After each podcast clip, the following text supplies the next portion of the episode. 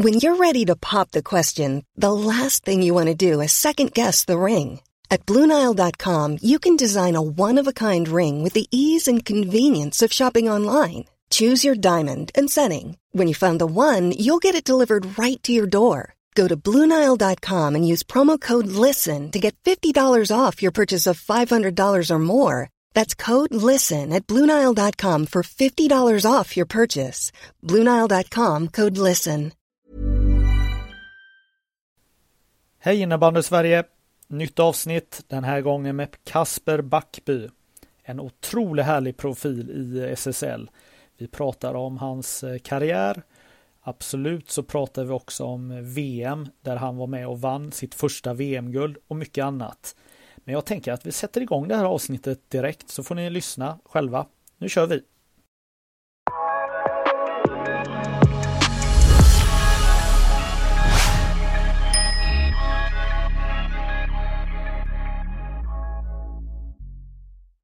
Då hälsar jag Kasper Backby välkommen till podden.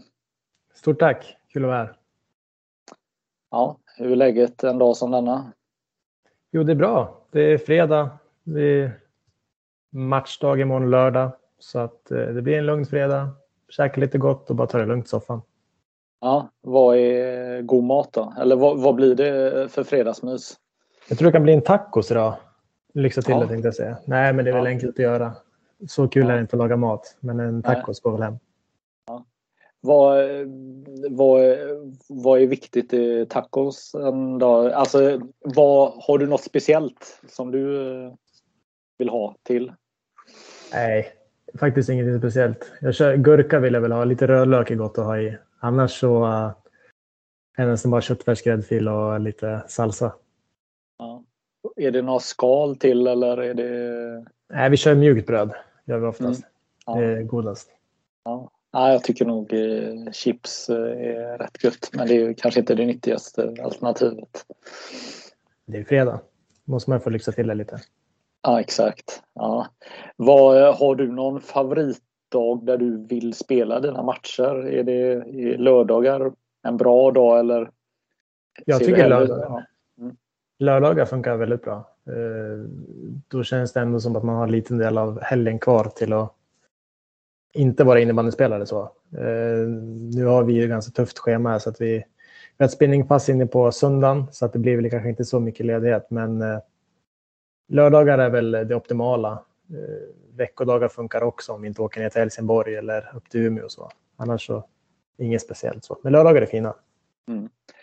När, eh, när börjar en match eh, sätta sig i huvudet för dig? Eh, är, det samma dag eller dagen innan? Ja, det alltså, förberedelserna börjar väl redan idag. Jag har en stor vattenflaska här bredvid och det, vatten är väl rätt viktigt att fylla på med. Men just tagget och fokuseringen börjar på matchdag, kanske tre timmar innan fyra. Annars så blir det lite väl mycket innebandy i, i mitt liv. Så. Och det är skönt att kunna koppla bort det ibland. ja. Men är det någonting du försöker undvika samma dag som du eh, ska spela match? Att tänka på det. Menar Nej, jag tänker rent allmänt. eh, Så, Ja, så. Det, det är viktigt att veta att det, det är fortfarande bara en sport vi utövar. Så. Man, man, eh, det blir inte bra om man går runt och tänker på det hela tiden, fast det är svårt när, vi väl, när det är så intensivt som det är. Men eh, de, de gångerna man kan tänka bort det så tycker jag att man ska försöka göra det och fokusera på att må bra och göra annat och ha kul på sidan om. Så att det, det, jag tror det är minst lika viktigt. Mm. Ja, hur ska vi eh, starta det här då? Du, eh, du, var, du blev utsedd till Sveriges största talang av innebandymagasinet Eh, en gång för länge sedan. Det var, hur var det? Ja, det var... Eh, det, det kom som en chock. Jag kommer ihåg det. Vi var uppe i Umeå eh, och spelade STF-SM där med Västmanland från Västerås från början. Och lyckades vi vinna där uppe och vi var... Vi var ju tippade att åka ut i gruppspelet så, så det var väl en, en stor grej för oss. Så. Och sen så gick vi långt och det gick bra för mig och gick bra för laget så. Och sen var det väl snack om den där listan hit och dit. Inte för att jag brydde mig så mycket om det, hur, det, hur den skulle utprägla sig så. Men eh, sen fick jag ett samtal från, från innebandymagasinet och sa att så här ligger det till. Och då var man ju lite, lite chockad och man fattade inte riktigt vad det innebär. Alltså det var, där och då var det så att det var en kul grej, men efteråt så är det faktiskt det eh, var rätt coolt och var bäst i sin årskull tycker jag. Hur, eh, hur tacklar man det eh, när man är i den åldern? Eh, får man hybris eller, eller blir det motivation att försöka leva upp till förväntningarna? Ja, det är väl hur man är som person. Jag tog det nog inte som att jag hade hybris. Jag, jag har alltid velat vara duktig och, och nästan bäst på allting jag gör. Och, och, jag har kämpat hårt för att göra, för att komma dit jag är idag och komma dit jag ville komma så, så jag har kämpat hårt för det. Och jag, jag, jag tycker jag tog det på ett bra sätt. Jag slet på med mina träningar hemma i Västerås, både med innebandy, tennis och fotboll och allt vad det där var och tänkte inte så mycket på det just då. Sen eh, började det kanske, vad ska man säga, det började komma in i mitt huvud att, jag, att det verkligen var så när så många klubbar hörde av sig och vart jag skulle gå gymnasiet och lite sådär. Men eh, jag tycker att jag tog det på ett bra sätt om jag får säga det själv. Ja. Eh, inför det här eh, inspelningen så eh, kollade jag lite på nätet på dig, bland annat när du träffade Daniel på klubbhuset. Och, ehm, du hookade väl någon klubba, tror jag, när du var 19 år. Det, det som jag slogs av det är jäklar vilken bitig kille du var redan som 19-åring. Alltså du, du såg inte ut i, i kroppen som en tonåring. Nej, jag, eh, jag har väl alltid varit ganska stor. Så. Eh, men eh, sen så har jag ju tränat hårt. Jag har ju tränat nästan hela mitt liv och hållit på med olika idrotter. Och det har väl satt sina spår. Så. Men jag tror att det, det gav mig lite när vi var så pass, när vi var yngre. Att jag, jag var större, jag var kanske lite mer muskulös och explosiv än, än de andra i min ålder var då. Så att det kan du nog ha rätt i. Jag var lite större än de andra. Ja. Men det var också något som bekymrade dig när du var lite yngre, att du var en liten eh, knubbis eller? Ja, eh, när, när jag var, vad kan jag ha varit då? Ja, 10 till 13-14 års åldern där. Då, eh, jag ska inte säga att jag hade ett problem, men jag var, jag var större på, på fel sätt än, än alla andra. Jag, eh, käkade väl det jag ville och, och drack det jag ville i cola och, och godis och sånt där. Och, och, och, jag mådde ju bra. Alltså jag hängde med mina kompisar som jag hade. Som, men eh, jag såg inte ut som en atlet när jag var mindre om man säger så. Jag, eh, ja, jag har fått höra att, eh, av kompisarna här uppe nu att man rullade fram förut att det, det, det såg inte så bra ut. Så att det, jag gjorde väl min egna resa där om man säger så. Mm. Vad var det som hände då? Tog du tag i det eller? Det är ju inte enkelt att göra det som när man är ett barn. Nej, det hände som minns jag ganska väl. Jag var, hade spelat tennis, eh, en turnering i, tror att det var Uppsala. Och eh, då skulle jag möta en som då var sämre rankad än mig. Och eh, den killen skulle jag ju slå. Så var det ingen snack om saken. Jag var ju mycket duktigare än han tänkte jag. Eh, han eh, lite mindre än mig, eh, mer atletiskt byggd. Så han, han sprang, sprang över mig. Han vann i tre set där i Uppsala och var helt slut efter matchen. Först och främst var jag väl ledsen för att jag hade förlorat. Du vet, man var yngre och tog man det kanske på lite fel sätt, att man var mer ledsen än frustrerad. Så. Och sen när jag kom in i omklädningsrummet så hade jag ett bra snack med min pappa som var med mig där. Och pappa sa till mig att ja, du förlorade rättvist så. Eh, men hade du kanske tränat på dig och fokuserat lite mer på din kost så, så tror jag att du hade vunnit den här. Och då kanske, då, där och då tror jag att poletten ramlade ner. att Även fast jag var så pass ung så behövde jag få höra det av någon, någon nära och som, som var ärlig och säga att vill du bli någonting så får du ta tag i det. Eh, och där och då var inte det kul. Jag, jag kommer ihåg att jag, jag grät och det var, han var dum i huvudet och jag var dum i huvudet. Och det var det var ingen, ingen, ingen rolig händelse. Men eh, sen så kom han och jag tillsammans överens om att vi, vi gör det här tillsammans. Eh, att vi försöker hjälpas åt. Att vi kanske kan, istället för att äta den här godispåsen, så kan vi käka någonting bra. Någon, någon god gurka med dipp eller någonting, vad som helst. Sen så var vi ute och tränade mycket.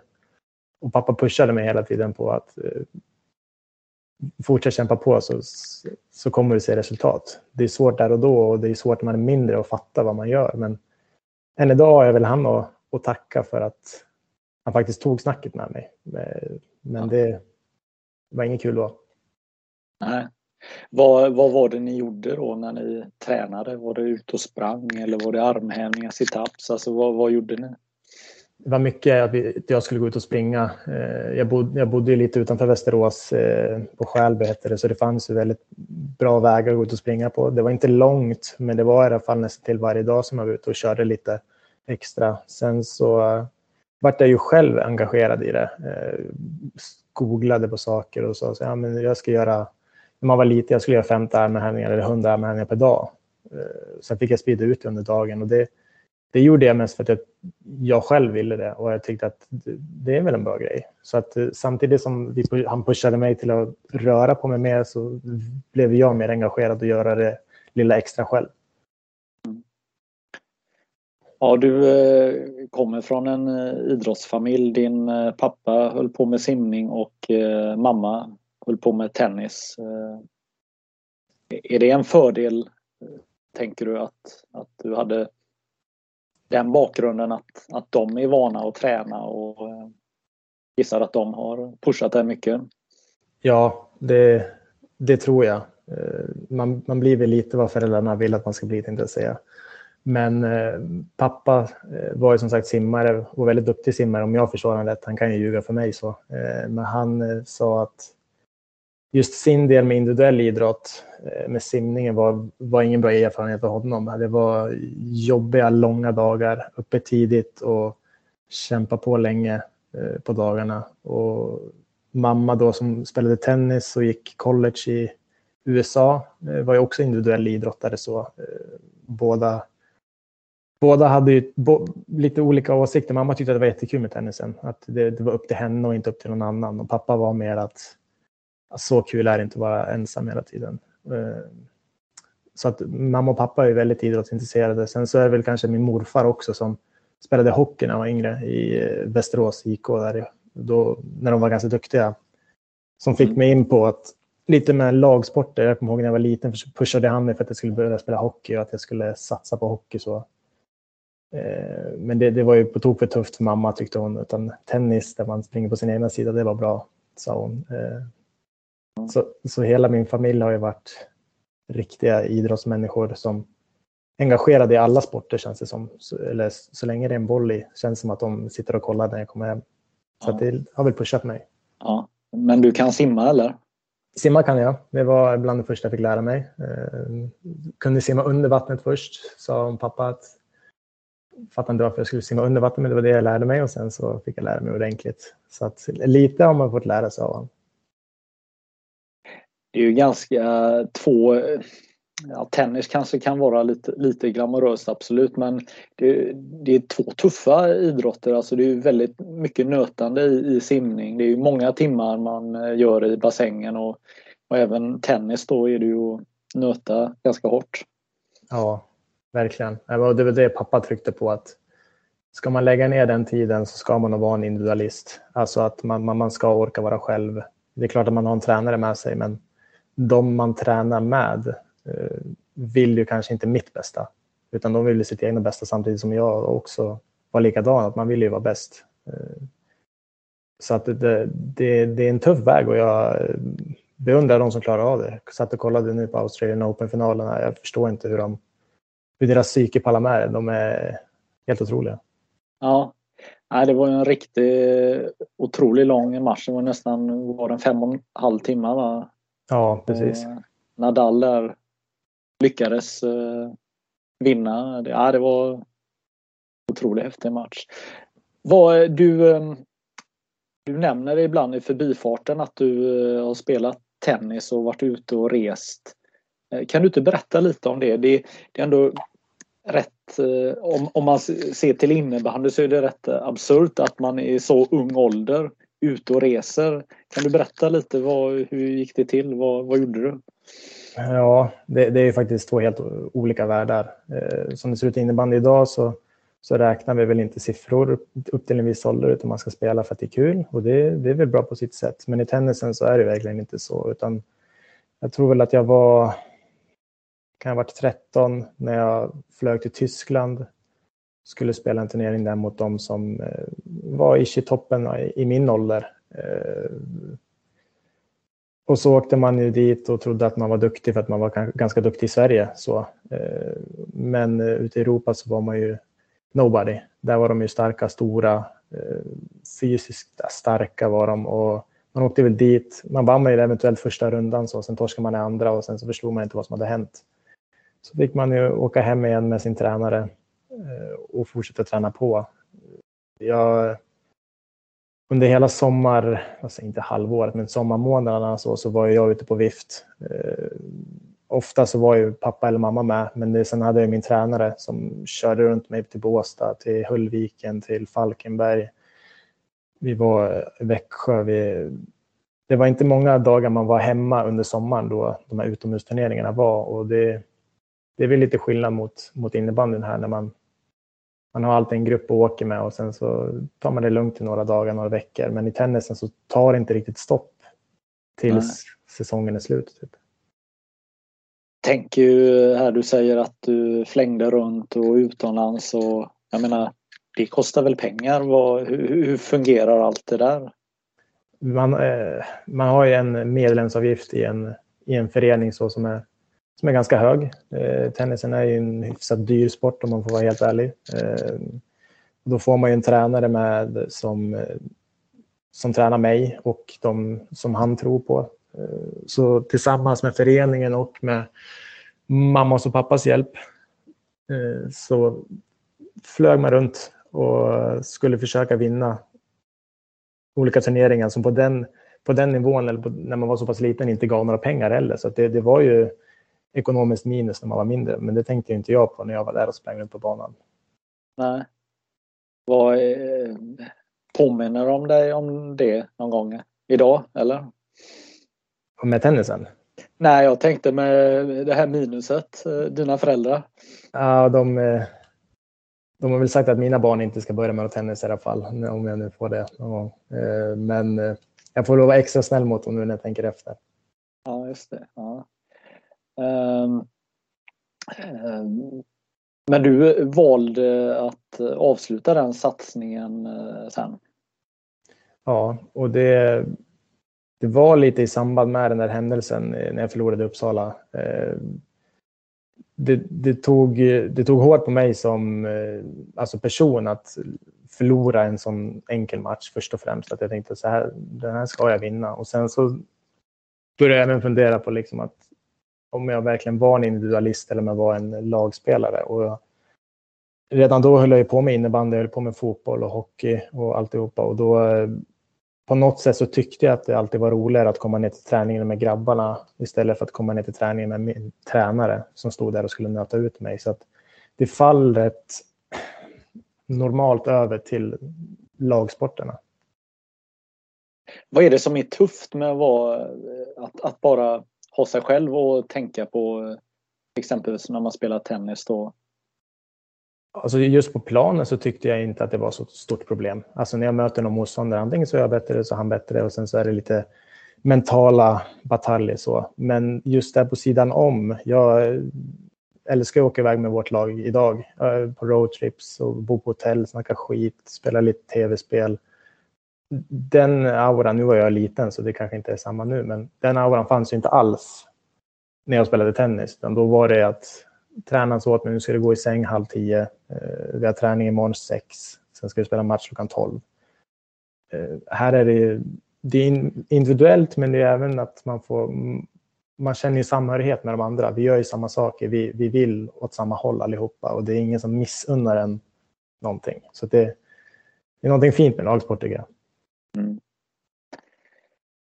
Eh, jag vet eh, i samband när, när vi utsåg, utsåg vad heter det, Eliska till eh, världens bästa damspelare.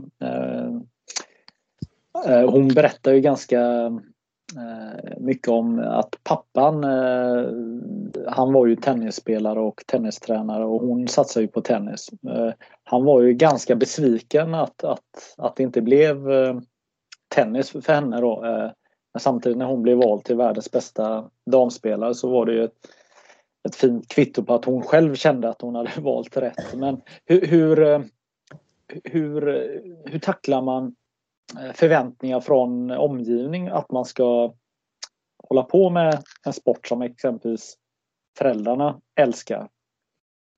Ja, alltså mamma och pappa var väldigt stöttande i mitt beslut. Jag, jag, tror att pappa tog det lite enklare än vad mamma gjorde för att mamma då höll på med tennis och tyckte att det är kul. Det, det kan man hålla på med länge och det, det är givande så. Eh, men båda var ju väldigt stöttande eh, och tyckte att jag ska göra det, det jag vill. Och så har de alltid varit med allt, så det är jättefint. Men jag tror mamma tog det lite hårdare.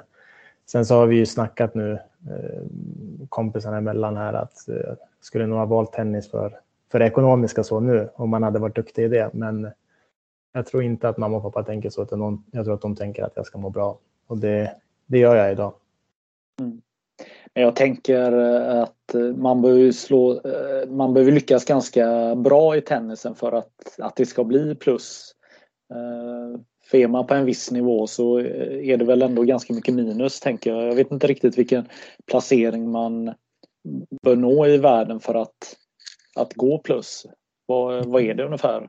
Man brukar väl snacka att plus 100 eh, i världen går runt. Sen de 50, 50 bästa lever ett bra liv. Eh, så. Det, men hamnar man där nu har väl Mikael Ymer slagit sig in på topp 100 i alla fall, så att han, han, har det nog hyfsat ställt. Men Elias eh, som fortfarande kämpar, har det kanske är jobbigare. Så att det, är en, alltså det, är en, det är en jobbig gräns att ta sig över och sen också orka hålla sig på den gränsen för att hela tiden ta sig in i de här turneringarna och, och tjäna de här pengarna som de, de, behöver när de flyger och har sig överallt. Så att eh, det är som du säger, det, det hade ju inte alls varit säkert att man hade nått dit. Men eh, hade, man hade ju velat om man väl hade satsat. Mm. Eh, sedan du slutade med tennisen och idag då så har det hänt ganska mycket i racketvärlden då. Eh, när du spelade så då fanns det tennis och pingis eh, om, om man säger med att hålla ett racket. Nu har vi padden i, i, i, i eh, världen. Hur, hur, ser du som gammal tennisspelare på, på padden? Ja, eh, jag, jag spelar mycket paddel nu har jag gjort. Eh, men första gången jag spelade paddel så vart jag ju bara frustrerad för att får man ett läge i tennis antingen ska man slå den hårt så att motståndaren inte når den eller ska man lägga sidor så att de inte kommer åt den. Och båda de två alternativen gör att bollen studsar ut i padden så att man vart ju duktigt frustrerad där i, i början av det. Men nu eh, spelar jag mycket paddel och spelar seriespel här uppe med Erik Björk, vår eh, gamla tränare och min gamla lagkamrat. Ehm, så vi spelar i division 1 här uppe och tycker vi gör det bra ifrån oss. Jag, han har ju inte någon racketsport i sig så, men det, det går att kämpa till sig en viss standard där också. Så det, det är en kul sport, men frustrerande. Mm.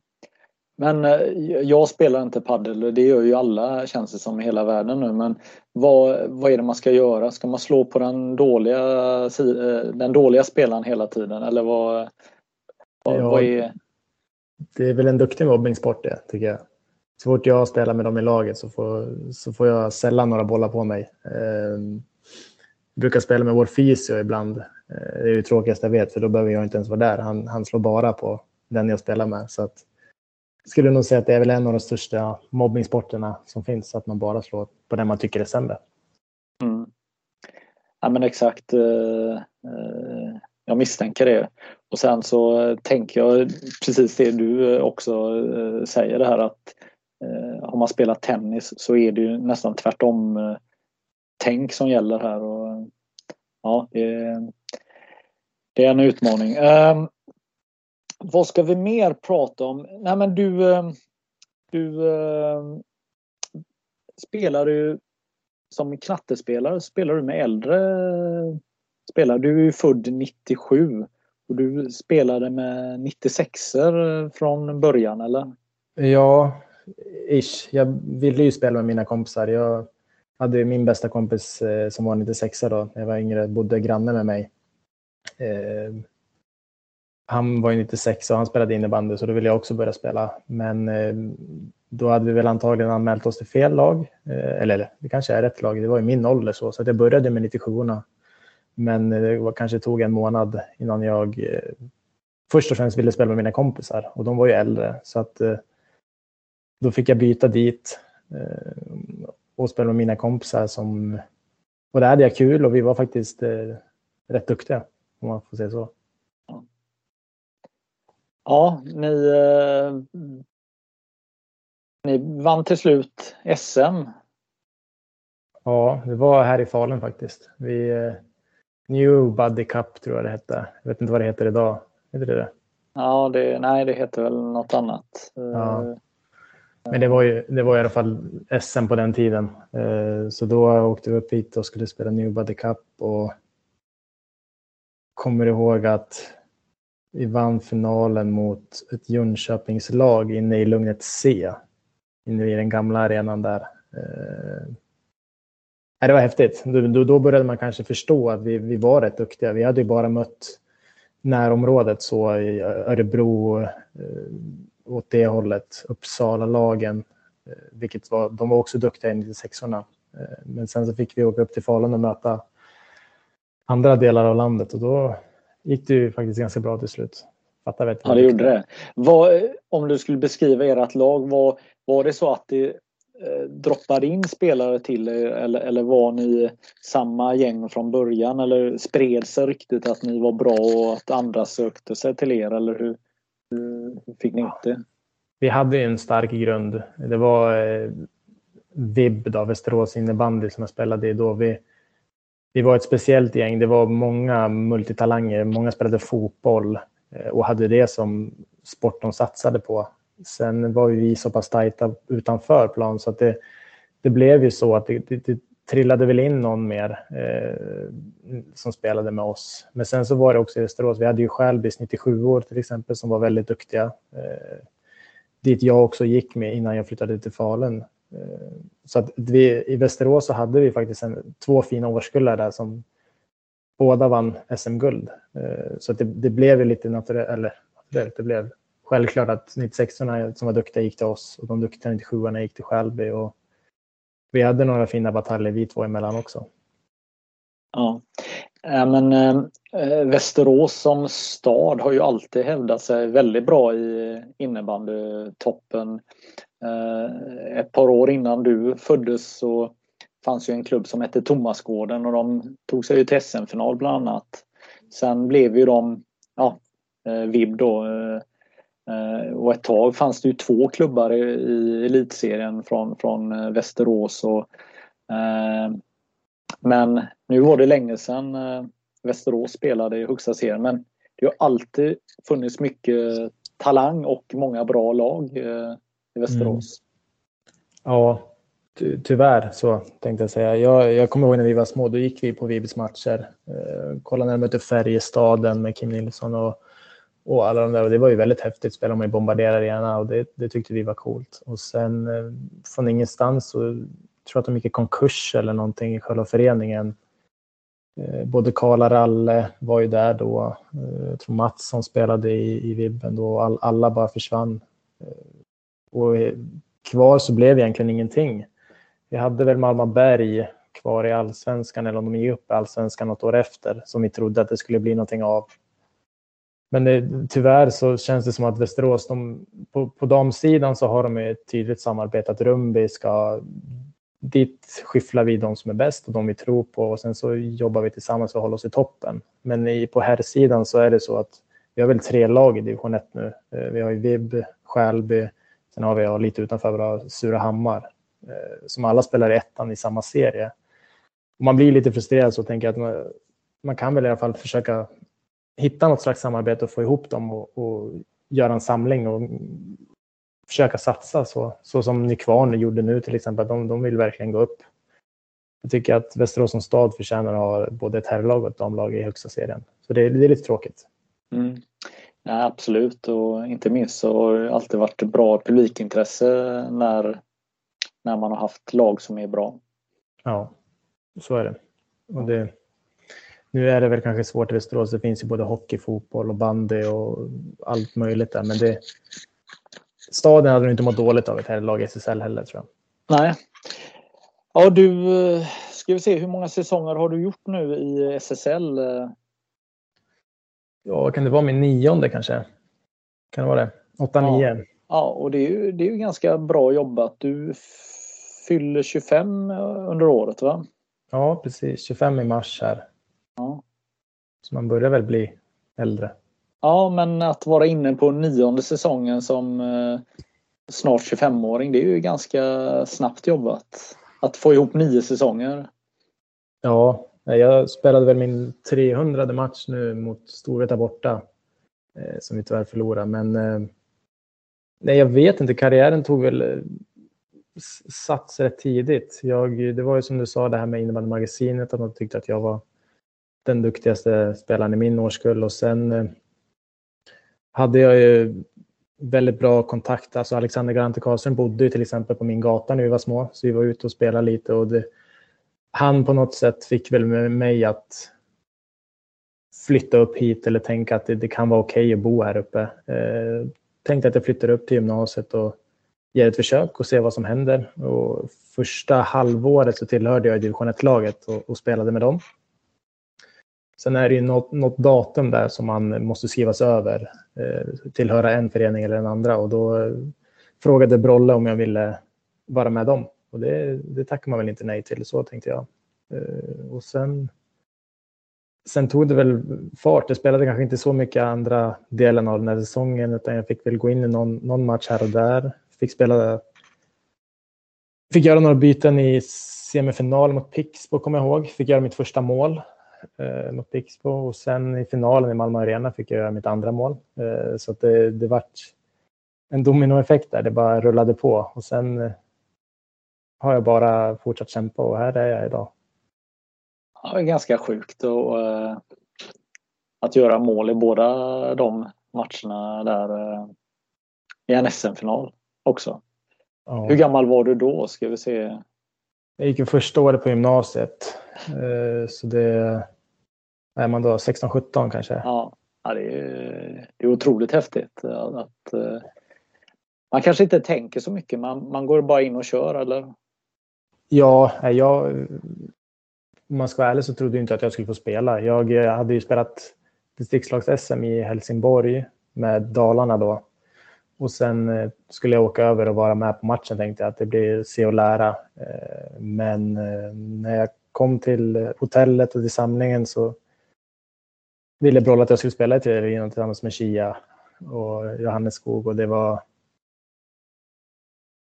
Ja, det var häftigt. Det var... Eh,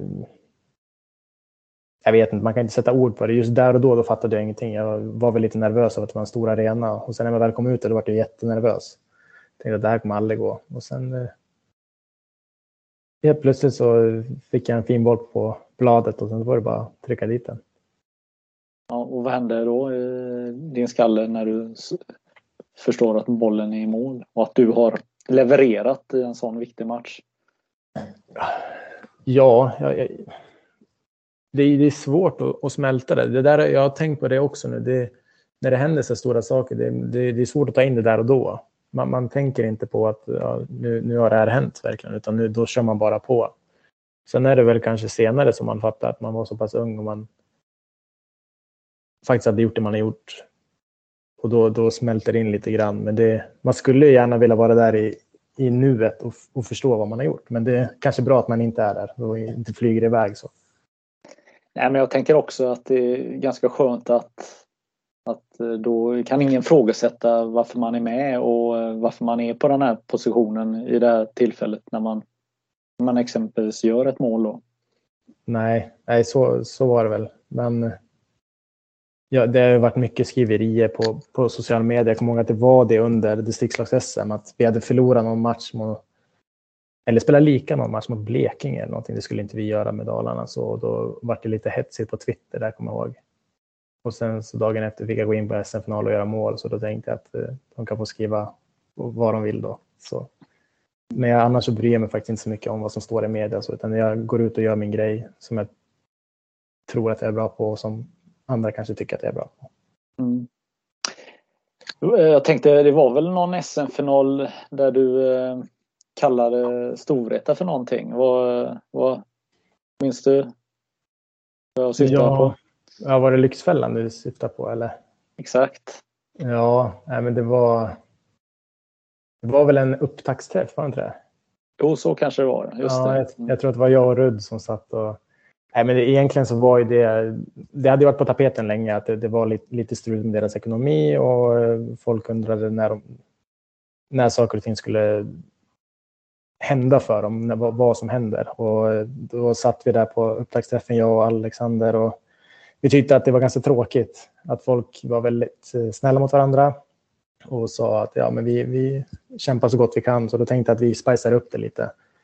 Och, eh, han är ju en trevlig prick och känner han sen innan så att vi, vi sa det att men vi, kan, vi försöker bjuda på oss själva och då, då blev det väl så där. Eh, då är ingenting dumt menat så utan de löste det väldigt bra Storvreta och så men det, det kan de nog ta.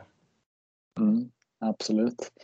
Ehm, men eh, vem är du då eh, som person eh, och spelare i SSL tänker du? Ja, eh, jag är en lugn person är jag så. Jag eh, behöver inte synas eller höra så mycket utan det har vi nog med personer i vårt omklädningsrum som gör. Eh, så där har jag tyckt att jag hamnat rätt. Jag eh, har nu på senare år blivit eh, lite mera man kan inte säga pappa när man är 24-25 år, men vi har, vi har ju många yngre eh, och, och, det är många som tar sig till mig så och, och vill ha hjälp med olika saker och frågar hur saker och ting går till och då, då är man ju där. Sen är jag inte fullbordad än heller så att det är lite kaptensämne är man väl för de yngre. Samtidigt som vi har Johan och Empo där som är eh, hur bra som helst för laget och visar både på sidan om och på planen vad, vad en kapten är så finns jag där som en mellanhand som man kan prata med när, när man kanske tycker att någonting från de yngre leden inte fungerar eller lite åt det hållet. Så jag, jag håller mig väl där någonstans i mitten skulle jag tro. Mm. Vad är det som eh, du tänker som inte fungerar? Alltså, kan du ge något exempel? Vad, när kan du gå in och säga? Nej, men ibland kan det väl vara att man inte är nöjd med sin position, vart man spelar eller hur mycket man har spelat. Eh, som yngre så de flesta yngre nu är ju vana med att spela mycket och, och få mycket förtroende och gå in och spela powerplay och allt vad det där är. Men här i Falun så är det, det är lite svårt. Det är så pass många bra spelare överallt och det, man måste ju någonstans förstå att ens egna tid kanske kommer. Eh, och jag hänger mycket med de yngre och då, då blir det att man, man hör ju hur snacket går och sen så får man försöka förmedla det vidare och på ett fint sätt eh, få alla komma ihop och förstå att det, det är inte den här individuella sporten vi håller på med utan vi ska ju vinna det här guldet i slutet och då kanske det behövs tänkas på det här sättet istället. Mm. Eh, du berättade att du bodde på samma gård som eh, Alexander Galante Karlström. Ska vi se, det vad är det, åtta år mellan er? Ja, ja, något sånt. Så då var du eh, två äpplen hög och han, ja, han var tre äpplen hög höll på att säga. Men, men, äh, nej, men berätta vad, hur, hur, hur fungerar det? Såg han att ni lirade på gården ute eller vad, hur? Ja, han, hade ju, han, spelade ju, han satsade ju på hockey när han var yngre, gjorde han.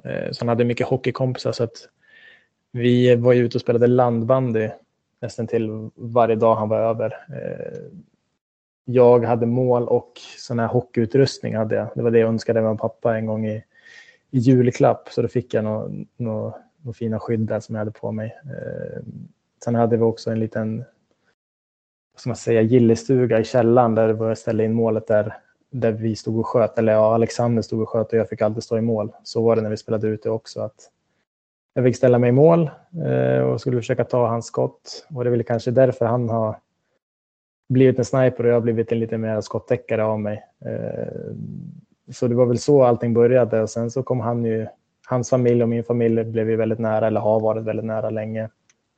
Så han var ju mycket hemma hos oss och käka och mådde bra. Eh, så vi, vi var väl kanske närmare än vad, vad jag trodde när jag var mindre. Så jag såg väl bara upp till honom för att han var äldre och hade coola kompisar. Så. Eh, och nu har man väldigt bra, vad ska man säga, vi är väldigt bra kompisar nu idag och det är mycket han att tacka för att jag är här. Mm.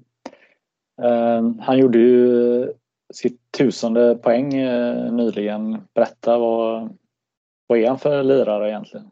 Jag förstår inte hur han, uh, hur han lyckas med det där. Alla vet ju vad han ska göra. Va? Han, han kommer ta ett steg, ett extra steg och sen skjuta. Men det, han, han, gör, han gör ju det hela tiden och han, han är så fruktansvärt bra på det också. Jag vet ju när vi tränar på träningen när vi spelar boxplay och han är i powerplay då och då. Man vet ju exakt vad han ska göra. Han kommer ju ta det här steget och eventuellt så skjuter han innan steget eller efter. Men det, han får ändå förbi en klubba skridsko eller klubba sko eller mellan fötterna. Så att det, det är en målskytt av rang. Är det. Han, eh, han, är, han är bra på det han gör. Ja. Men, men, du som träffar han då eh, på träningar, matcher, spelarbuss. Alltså vad, vad, eh, hur håller han sin fokus? För, för ändå, jag gjorde en krönika häromdagen. Alltså han, han, han måste på något sätt leverera. Det är ju hans grej. Alltså gör han inte det så är han ju då har han ingen mm. funktion i laget håller på att säga. Men... Nej, han, är, han, är, han kan koppla bort innebandyn väldigt bra. Eh, han är väldigt glad prick. Han, ska, han skämtar och hörs mycket och han är väldigt rolig så. Eh, och när man är med han så kan man enkelt koppla bort innebandyn känns det som att nej, men vi, vi har bara kul så. Eh, men sen så slår han ju om och, och verkligen gör det han ska göra när han väl ska göra det. Eh, jag kommer ihåg om det var, jag tror att det var förra året när vi mötte Sirius hemma i första matchen. Vi vann väl kanske med tio bollar eller något sånt där, men han hade inte gjort något poäng alls. Och då eh, blev han ju otroligt frustrerad. Han eh, var ju så pass sur att han gick knappt att prata med honom eh, i en veckas tid. Och en annan tänker sig, ja men vi, vi vann matchen, nu får du lugn det kommer flera. Men han, han är ju verkligen, han, han vill ju leverera själv. Det är inte bara vad media säger utan han, han, han sätter ju de kraven på sig själv också. Någonstans är det väl det som har gjort att han är där han är. Jag minns det, för jag tog faktiskt upp just den situationen. Jag, jag tror ni till och med, ni gjorde väl en 15-16 mål, vann med 15-16-3 eller något sånt där. Och, och så eh, frågade jag handen på hjärtat. Eh, när, eh, när, när ni nu gör mål nummer 13 eller 12 i matchen, och du inte har gjort någon, något av dem. Visst eh, var det jobbigt och först så nej, ja, men sen, sen så frågade han, ja men eh, kom igen nu, erkänn nu och, och ja, då erkände han ju precis så som du förklarar. Det, det, det, det förstår man. Vad, du, eh, du är, du är inne på din nionde år men du anses ju ändå, eh, eller du är ju yngre än eh, Rasmus och Emil och, och Alexander som, som nu då har passerat 30. Hur, hur, hur ser du på lagbygget som ni har i Falun nu? Eh, det är väldigt bra. Eh, om man ska vara sån. Jag tycker att eh, vi har fått ihop det bra. Vi har ju, vi har ju de här gamlingarna med Johan, Alexander, Rasmus. Johan Rehn, alltså stommen, de som var med när man tog första, ja Empo också, tog första SM-guldet här i Falun, de, de, är ju fortfarande kvar. Och jag tror att det är viktigt att ha kvar dem i några år till för att de här yngre nu, vi har ju 01 år, 98 år eh, och som, som, kanske behöver ha den här lilla stabiliteten och veta att vi har, vi har folk än så länge som klarar av att kliva fram i de här matcherna. Och, och, man lär sig mycket av dem. Det, det är inget snack om saken. Och sen så har vi det mellan, mellan gänget, mig, Simon Berg, Emil Lilja, eh, alltså som, som kanske också kommer att bytas ut mot de här äldre sen. Men jag tycker att just som det är nu så har vi en väldigt fin blandning inför framtiden också. Jag tror att Karlholm där har väl några år i, sig till. Samtidigt som att vi yngre om man säger så, kommer ju att växa in i det ännu mera och, och bli ännu bättre. Så jag tror att Falun har en fin framtid framför sig. Och det, eller det, det vet jag att vi har. Hur är det att vara innebandyspelare i Falun? Det är kul. Är det det. Nu under pandemin har det väl varit lite jobbigt. Eh, förut så var det mycket folk överallt. Man gick på stan som ville antingen gratulera till vinsten eller säga att vi var skitkassa i senaste matchen. Eh, och det, det blev lite som att man, inte så att man var kändis i Falun, men, men Falun är ganska litet och folk har ju koll här. Det finns ju ingen hockey eller fotboll eller större idrotter på det sättet här, utan här är det ju innebandyn och då, då är det rätt kul när det går bra att man få höra att man gjorde en bra match. Eh, men, men, lika kul som det är att få höra att man har vunnit en match eller hur duktig man var, lika mycket skit får vi när det går dåligt. Det kan, alltså jag vill inte komma ihåg hur många krismöten vi har haft på grund av att vi har förlorat kanske två matcher på raden eller förlorat en match som vi kanske skulle ha vunnit. Eller det, det är höga standards och det är höga krav. Och det, det är därför vi är så pass duktiga som vi är. Mm. Tänker ju att eh, när VM är mitt under säsong så påverkar det lag som Falun och Storvreta exempelvis eh, och eh, om man tittar på hur tabellen har sett ut nu eh, de senaste månaderna så har det ju Ja, hur ska man förklara? Men, men det är olika serieledare hela tiden håller på att säga. Det är ganska jämn serie poängmässigt. Hur, hur, hur tänker du på eh, serielunken? Ja, det är väl jätteroligt att det är jämnt. Så här jämnt har det väl aldrig varit, inte så länge jag har spelat i alla fall. Utan eh, såg väl senast igår när Kalmar som låg ish utanför slutspelet gick upp på tredje plats. Eh, och, och, sånt behöver nog sporten. Att det, det är inte bara två lag som, som rycker ifrån utan där har vi nästan blivit lite unika. Det är nästan i alla andra sporter så är det något lag som drar ifrån och här har det inte varit så och det är kul. Eh, sen, sen så är serielunken serielunken. Ja, vi, vi har haft år där vi har gått ganska dåligt också. Alltså vi har haft några svackor där vi har tappat poäng som vi inte ska tappa poäng och sen har vi ändå gått till final eller vunnit finalen i, i slutändan. Så att det, det är klart att serielunken är viktigt. Men, men, samtidigt så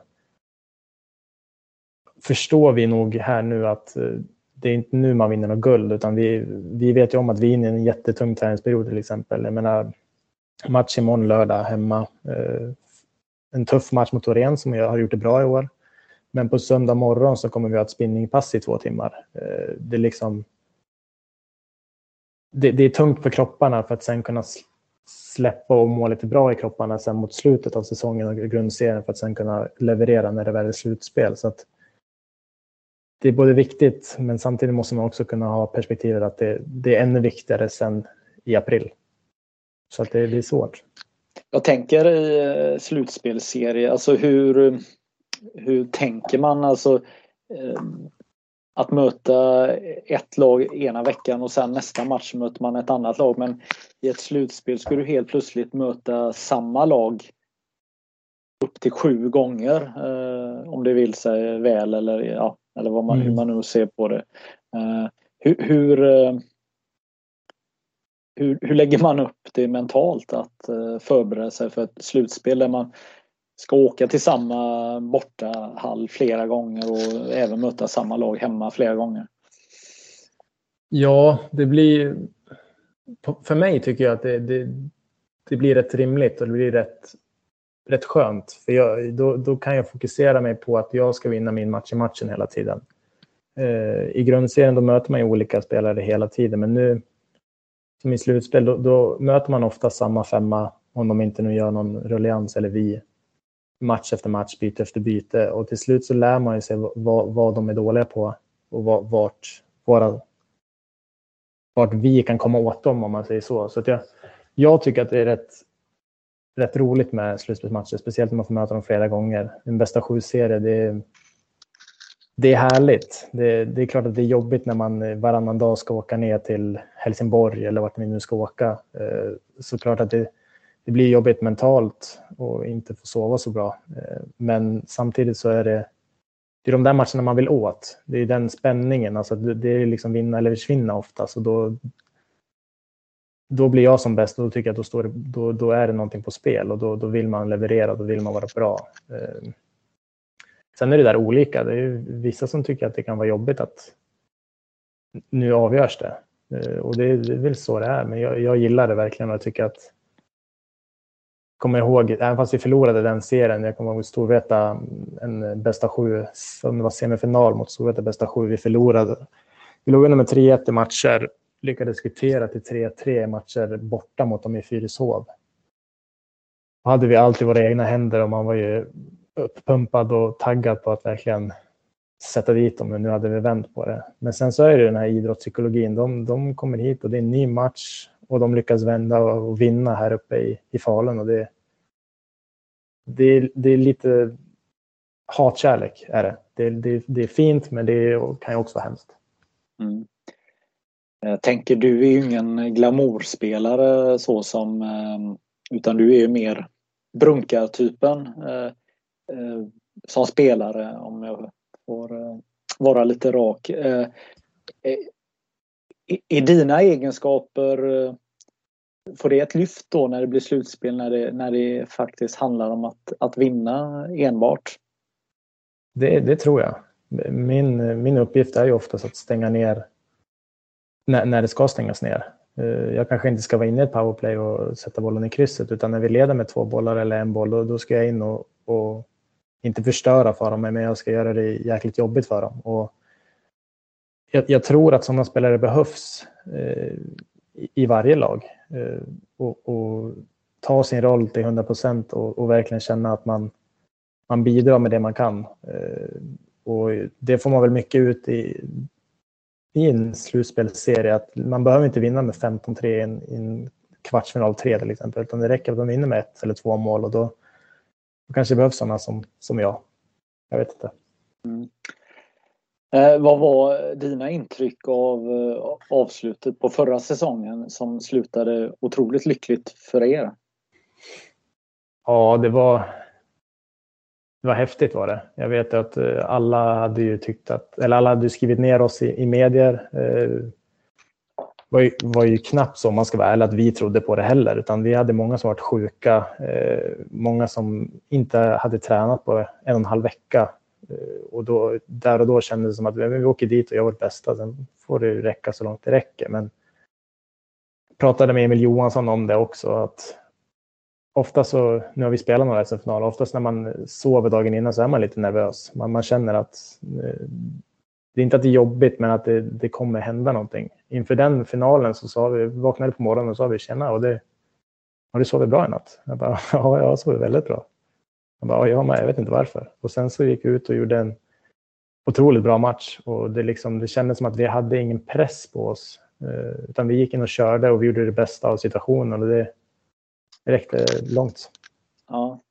ja, det var ju väldigt speciellt eh, på många sätt. Dels att eh, ni faktiskt förlorade sista matchen innan eh, ni skulle spela SM-final. Vi behöver inte gå in på det mer men, men eh, sen var det ju det här att ni eh, inte ni hade ingen damfinal som var innan som det alltid brukar vara. Och ni hade ju egentligen inga nära och kära på plats ja, det var ju ingen överhuvudtaget som var på plats egentligen. Alltså det var ju, Eh, förutsättningarna var ju väldigt eh, konstiga för att ni skulle spela årets viktigaste match. Ja, eh, det, det var väldigt annorlunda. Alltså, som jag sa, jag har spelat i Malmö Arena, jag har spelat i Globen ja, och nu spelat i Hartwall också. Det är, det är stora fina arenor, men det, det var svårt att sätta att det verkligen var en SM-final när vi spelade. Det var man fattade att det var en SM-final, men på ett sätt så kändes det inte riktigt så. Det gjorde det inte och det är väl av förklarliga skäl så, men det, det är väl ett guld som kanske går till historien att det, det tog sig också. Jag vet inte, mm. det, var, det var häftigt. Det var det ändå. Du pratade VM här eh, och det spelar ju du. Eh, du blev lite skadad efter landslagshelg där i oktober eh, förra året. Ja. Vad, vad hände där? Eller, vad, eller det kanske inte var någon skada? Eller vad?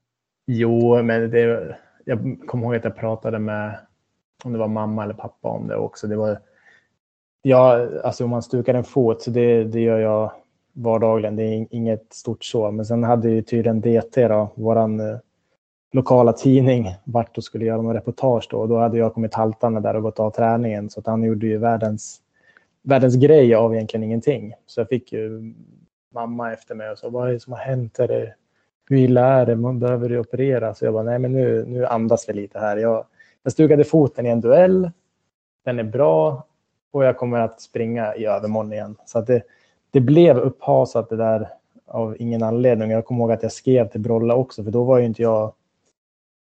Det var inte så att någon var klar för VM där. Så jag tänkte att han bor ju här i Falun också, så att inte han får se något skit redan där. Så jag bara, men det, det är en stutning av, av foten och det, jag är redo om du vill att jag ska vara redo. Så att det, det blev ju lite större än vad det var. Så. Mm. Och eh, du fick vara med i VM. Du eh, var väl kanske inte det namnet som eh, folk skrev upp först att eh, eh, nu ska vi ta ut VM-truppen och så kanske de börjar med ditt namn. Men du fick ju en... Eh, du spelade ju på två femmor när det drog ihop sig i VM-finalen. Ja. Nej, men det är väl kanske lite det jag... Nu, nu är ju alla som är med i landslaget där, de, de vill ju vara med och avgöra och tycker om när det avgörs. Men, men som jag sa, jag, jag går verkligen igång när det, när det blir så hett och när det blir vinna eller försvinna på riktigt. Och jag tycker att ja, jag, hade, jag gör ju min uppgift till 100 procent. Hade han sagt åt mig att jag inte skulle spela så hade jag inte gjort det heller. Men får jag chansen så kommer jag ju ta den fullt ut och det tycker jag att jag, att jag gjorde. När jag fick mitt inhopp. Ja. Hur var det att uh, vinna VM-guld? Det var uh, sjukt. Uh, jag hade några diskussioner med Brolle om att jag skulle genom hela turneringen bara vara med, vara lite standby utifall om de behöver en annan spelstil. Eh, och vi hade inte pratat så mycket innan finalen utan det var mest att ja, håll, håll dig varm. Eh, det kan bli boxplay, det kan bli 5 mot 6 och allt sånt där. Och sen fick vi den där dåliga starten på matchen. Eh, och, och Brolle känner väl mig väl och vet vad jag går för efter alla åren i Falun. Så, så han, han, det var nästan från ingenstans som han slängde in mig där. Han sa ta av dig tröjan. Jag fattade egentligen ingenting. Så. Och sen så ett byte senare var jag inne på planen och fick göra en assist. Eh, och då började vi väl lite upphämtning där.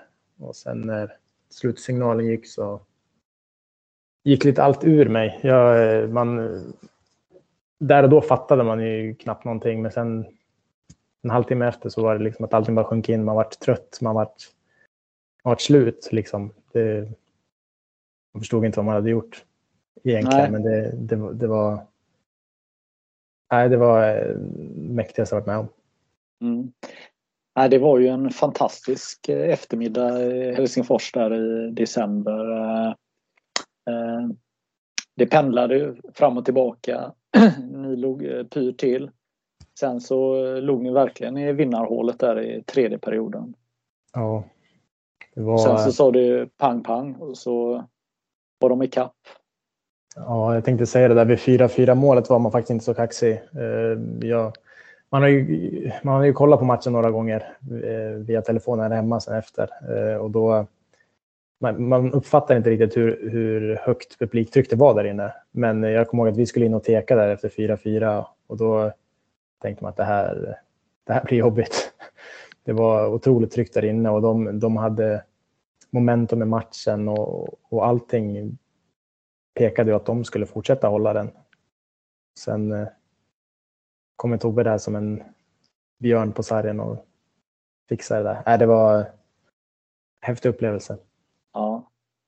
Vad kan man rent av bli lite skraj i det här eh, i den situationen? Jag menar Eh, man, man har 4-2 på något sätt och så tittar man man kanske inte tittar ihjäl sig på klockan men man, man ser att det är några minuter kvar och två mål är, Man vet ju om att två mål är inte mycket innebandy men det är ändå en skön känsla.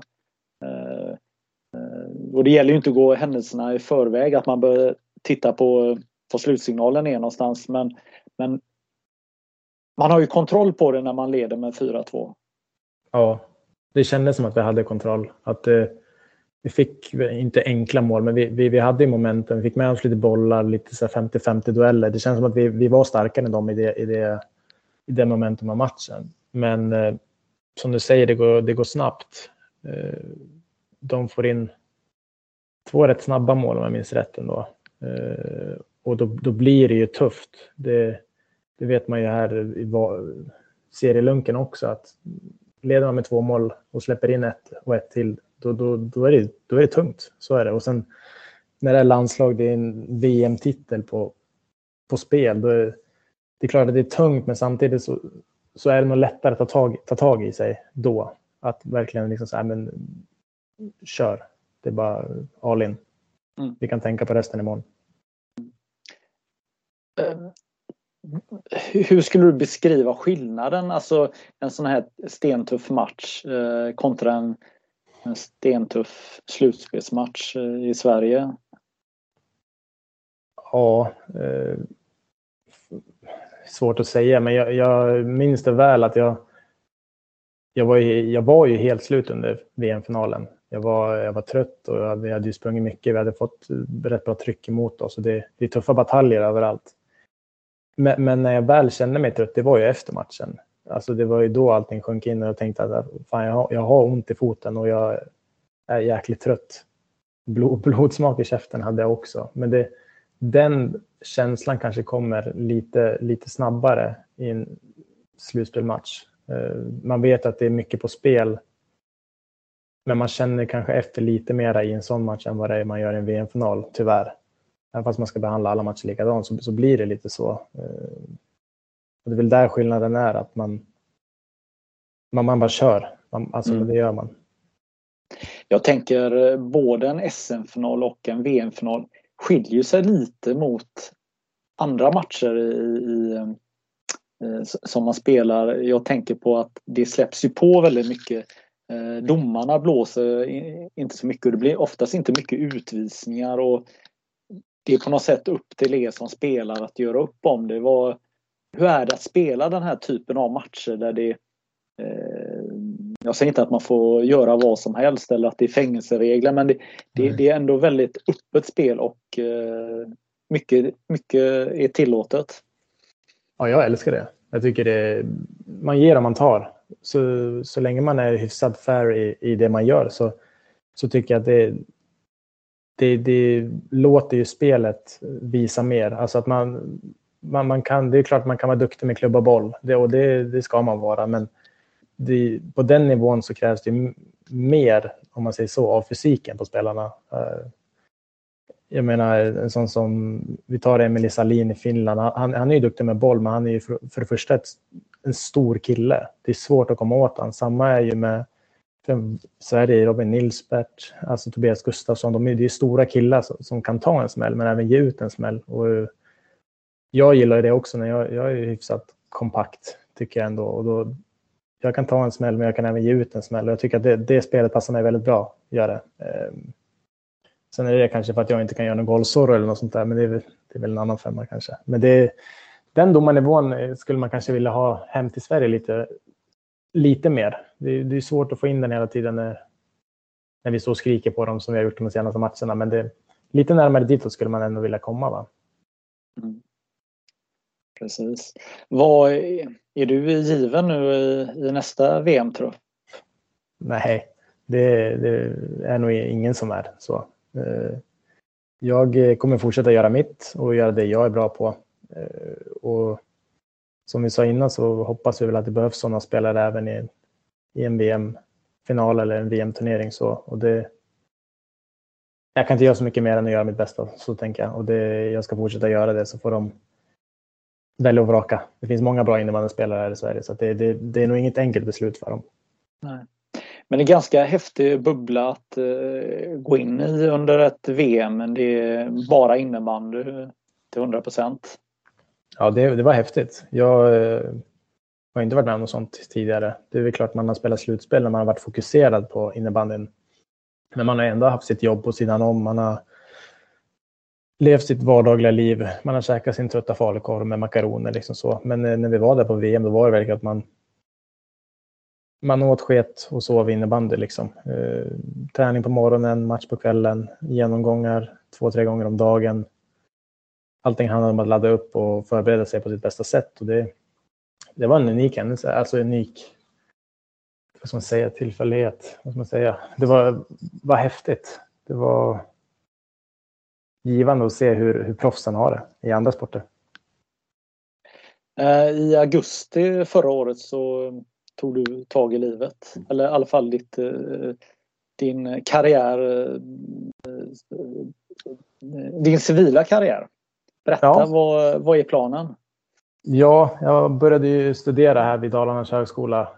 Jag har ju jobbat på lite olika ställen efter jag tog studenten. Jag jobbade senast på en skola som elevassistent och hade lite lektioner och sånt där. Men sen tänkte jag att det finns ju ett liv efter också. Man kanske ska samtidigt som man eh, spelar innebandy studera upp och göra någonting man tycker är roligt sen i framtiden också. Nu tycker jag att innebandyn är skitkul, men sen när jag inte kan hålla på med det längre så behöver man ju ha någonting på sidan om då också. Så att jag valde att studera här uppe, ska bli personalvetare ska jag bli. Eh, kanske inte det roligaste yrket så, men jag tycker det är roligt att jobba med människor. Och... Men vad är det man gör då? Ja, det kan vara allt från rekryterare till HR eh, till till avdelningschef. Du kan, eh, det, det är ganska brett så, men eh, jag tycker inte det är så kul att sitta framför datorn varje, varje dag och sitta och pilla med siffror. Så att jag tänkte att någonting med människor och då fanns den här utbildningen här på Dalarna. Så då tänkte jag att det, då kör jag på det. Ja, det passar bra med att eh, spela innebandy på elitnivå eller? Ja, det, det fungerar väldigt bra. Här uppe har vi så här elitidrottsstöd också, vilket gör att man om man nu vill satsa på sin idrottskarriär så kan man få vissa eh, förmåner. Eh, flytta vissa tentor om du skulle krocka med match till exempel och, och lite sånt där. Nu är det tråkigt att allting har varit på distans, men det, på ett sätt har det varit bra för mig nu när vi har haft VM och varit borta så pass mycket. Jag har ändå kunnat följa med via Zoom och inte halkat efter allt för mycket. Eh, så att det har fungerat väldigt bra. Det är dock långa dagar här hemma nu när man sitter och studerar, men det, man får ju komma ut och träna sen i alla fall. Det är bra. Mm. Tänker att vi börjar närma oss eh, slutet här. Eh, om vi ska sy ihop säcken här. Det finns ju hur mycket som helst egentligen att prata om. Men hur ser du eh, på fortsättningen på den här säsongen? Det blir en rolig säsong. Som vi sa, det är ju jämnare nu än någonsin. Jag tror att vi, vi kommer nog att göra ytterligare steg nu. Det känns som att vi, vi har haft lite en turbulent tid med ny tränare och, och lite dåliga resultat. Eh, men, men, nu känns det som att vi börjar landa i vad vi ska göra och hur vi ska göra det. Så att jag tror att vi, vi kommer nog att vi kommer nog att pumpa på nu under resten av seriespelet och sen om jag ska vara ärlig tror att det ska mycket till om något lag ska slå oss över sju matcher i kvartsfinal och semifinal. Eh, allting kan ju hända självklart och sen är finalen bara en match så där kan det absolut allting hända. Men jag tror att det kommer, det, vi kommer nog att vara att räkna med i den här säsongen. Ni kommer vinna, eller? Ja, om man får säga det högt så, så ska vi göra det. Mm. Uh, vad tänkte jag? Uh, helt plötsligt så fick vi ju nya direktiv här. Restriktionerna släpps ju. Det, hur, hur har eh, snacket i laget gått kring det här nu att vi från och med 9 februari har eh, att allt ska bli som vanligt. Publiken är tillåten i arenorna fullt ut och allt det där. Ja, vi, vi är jätteglada över det. Eh, men det, man får ju förstå att det är folkhälsa, folks hälsa och det är, det är en stor pandemi vi är i. Men, men som läget ser ut nu så, så kanske det är rätt beslut att öppna upp lite grann. Och det, vi tackar och tar emot det. Vi behöver vår publik här hemma och, och vi samtliga i laget tycker att vi blir så pass mycket bättre när, när vi har publik hemma, även publik borta. Vi, vi känner att det, det blir lite mer på riktigt. Det är klart att man, man har vant sig att spela nu inför 500 pers eller mindre på varje match och då, då det blir kanske svårt att tagga till alla matcher. Eh, Sirius hemma till exempel, Djurgården hemma. Det kanske inte är de, de, de roligaste matcherna utan publik, men när vi väl får den lilla extra pushen så tror jag att det, den kommer hjälpa oss enormt i, i längden där. Så att det, vi tackar och tar emot. Mm.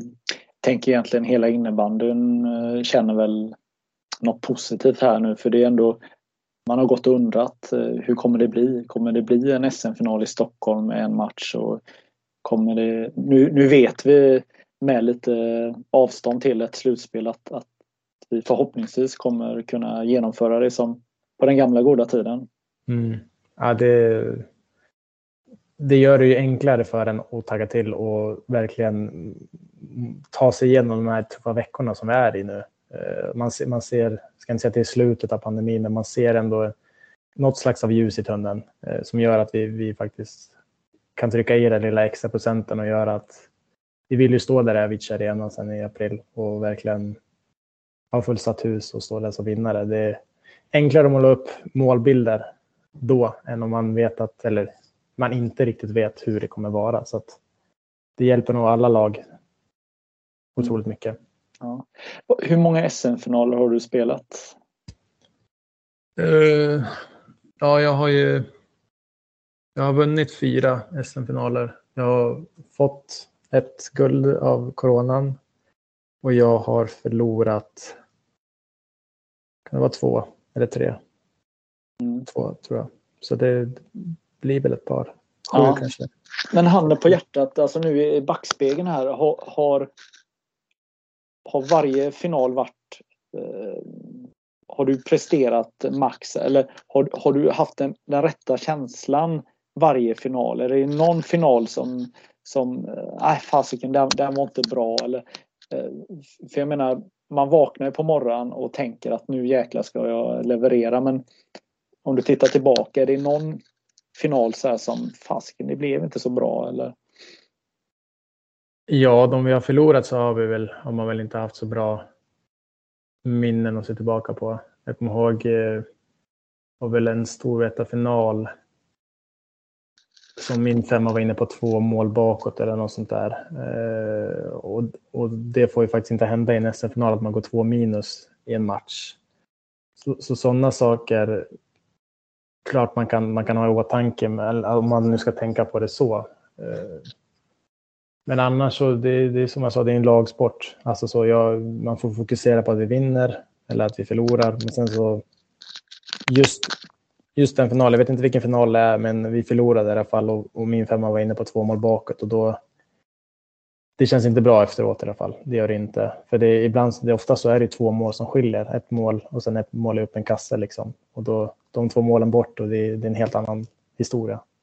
Mm. Nej, jag tänker egentligen med alla eh, förutsättningar. Ibland kan man ju inte veta vad, vad som händer men ibland kan det vara att man inte kan somna inför eh, någon stor match. Eh, jag vet, jag har ju pratat med landslagsspelare som berättat att de knappt sov någonting innan någon VM-final eftersom de spelade en match dagen innan. Och nu är det kanske lite skillnad när, när, när det är VM då men eh, i stort sett somnar halv sex på morgonen och, och så går upp sju och ska käka frukost och spela, spela en mm. VM-final. Men har du haft några sådana drama eller någonting eller hur, hur man ska se på det?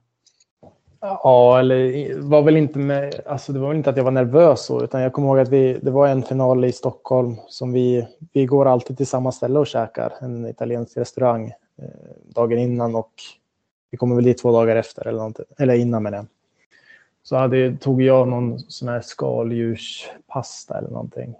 Eh, och det kommer jag aldrig göra igen. Jag eh, kommer ihåg att, eh, nu ska man väl vara fin i orden här, men jag mådde inget bra i magen, varken eh, uppåt eller neråt. Så att jag hade en final där det var faktiskt riktigt illa. Både att kunna förbereda sig, sova, få i sig näring och alltihopa. Men det var, den var inget kul. Eh, och jag tror det, jag är nästan helt säker på att Galante också tog den där skaldjurspastan med mig och han, han vart ju då risig samma dag som finalen var. Jag vart ju det dagen innan och mådde inget bra. Så där har jag väl så, men annars ingenting med sömn eller nervositet. Det var mest ris i kistan. Ja. Bra, då känner jag att vi börjar bli klara här. Hur tyckte du att det gick? Bra tycker jag. Det var väl kul. Prata ja. lite innebandy.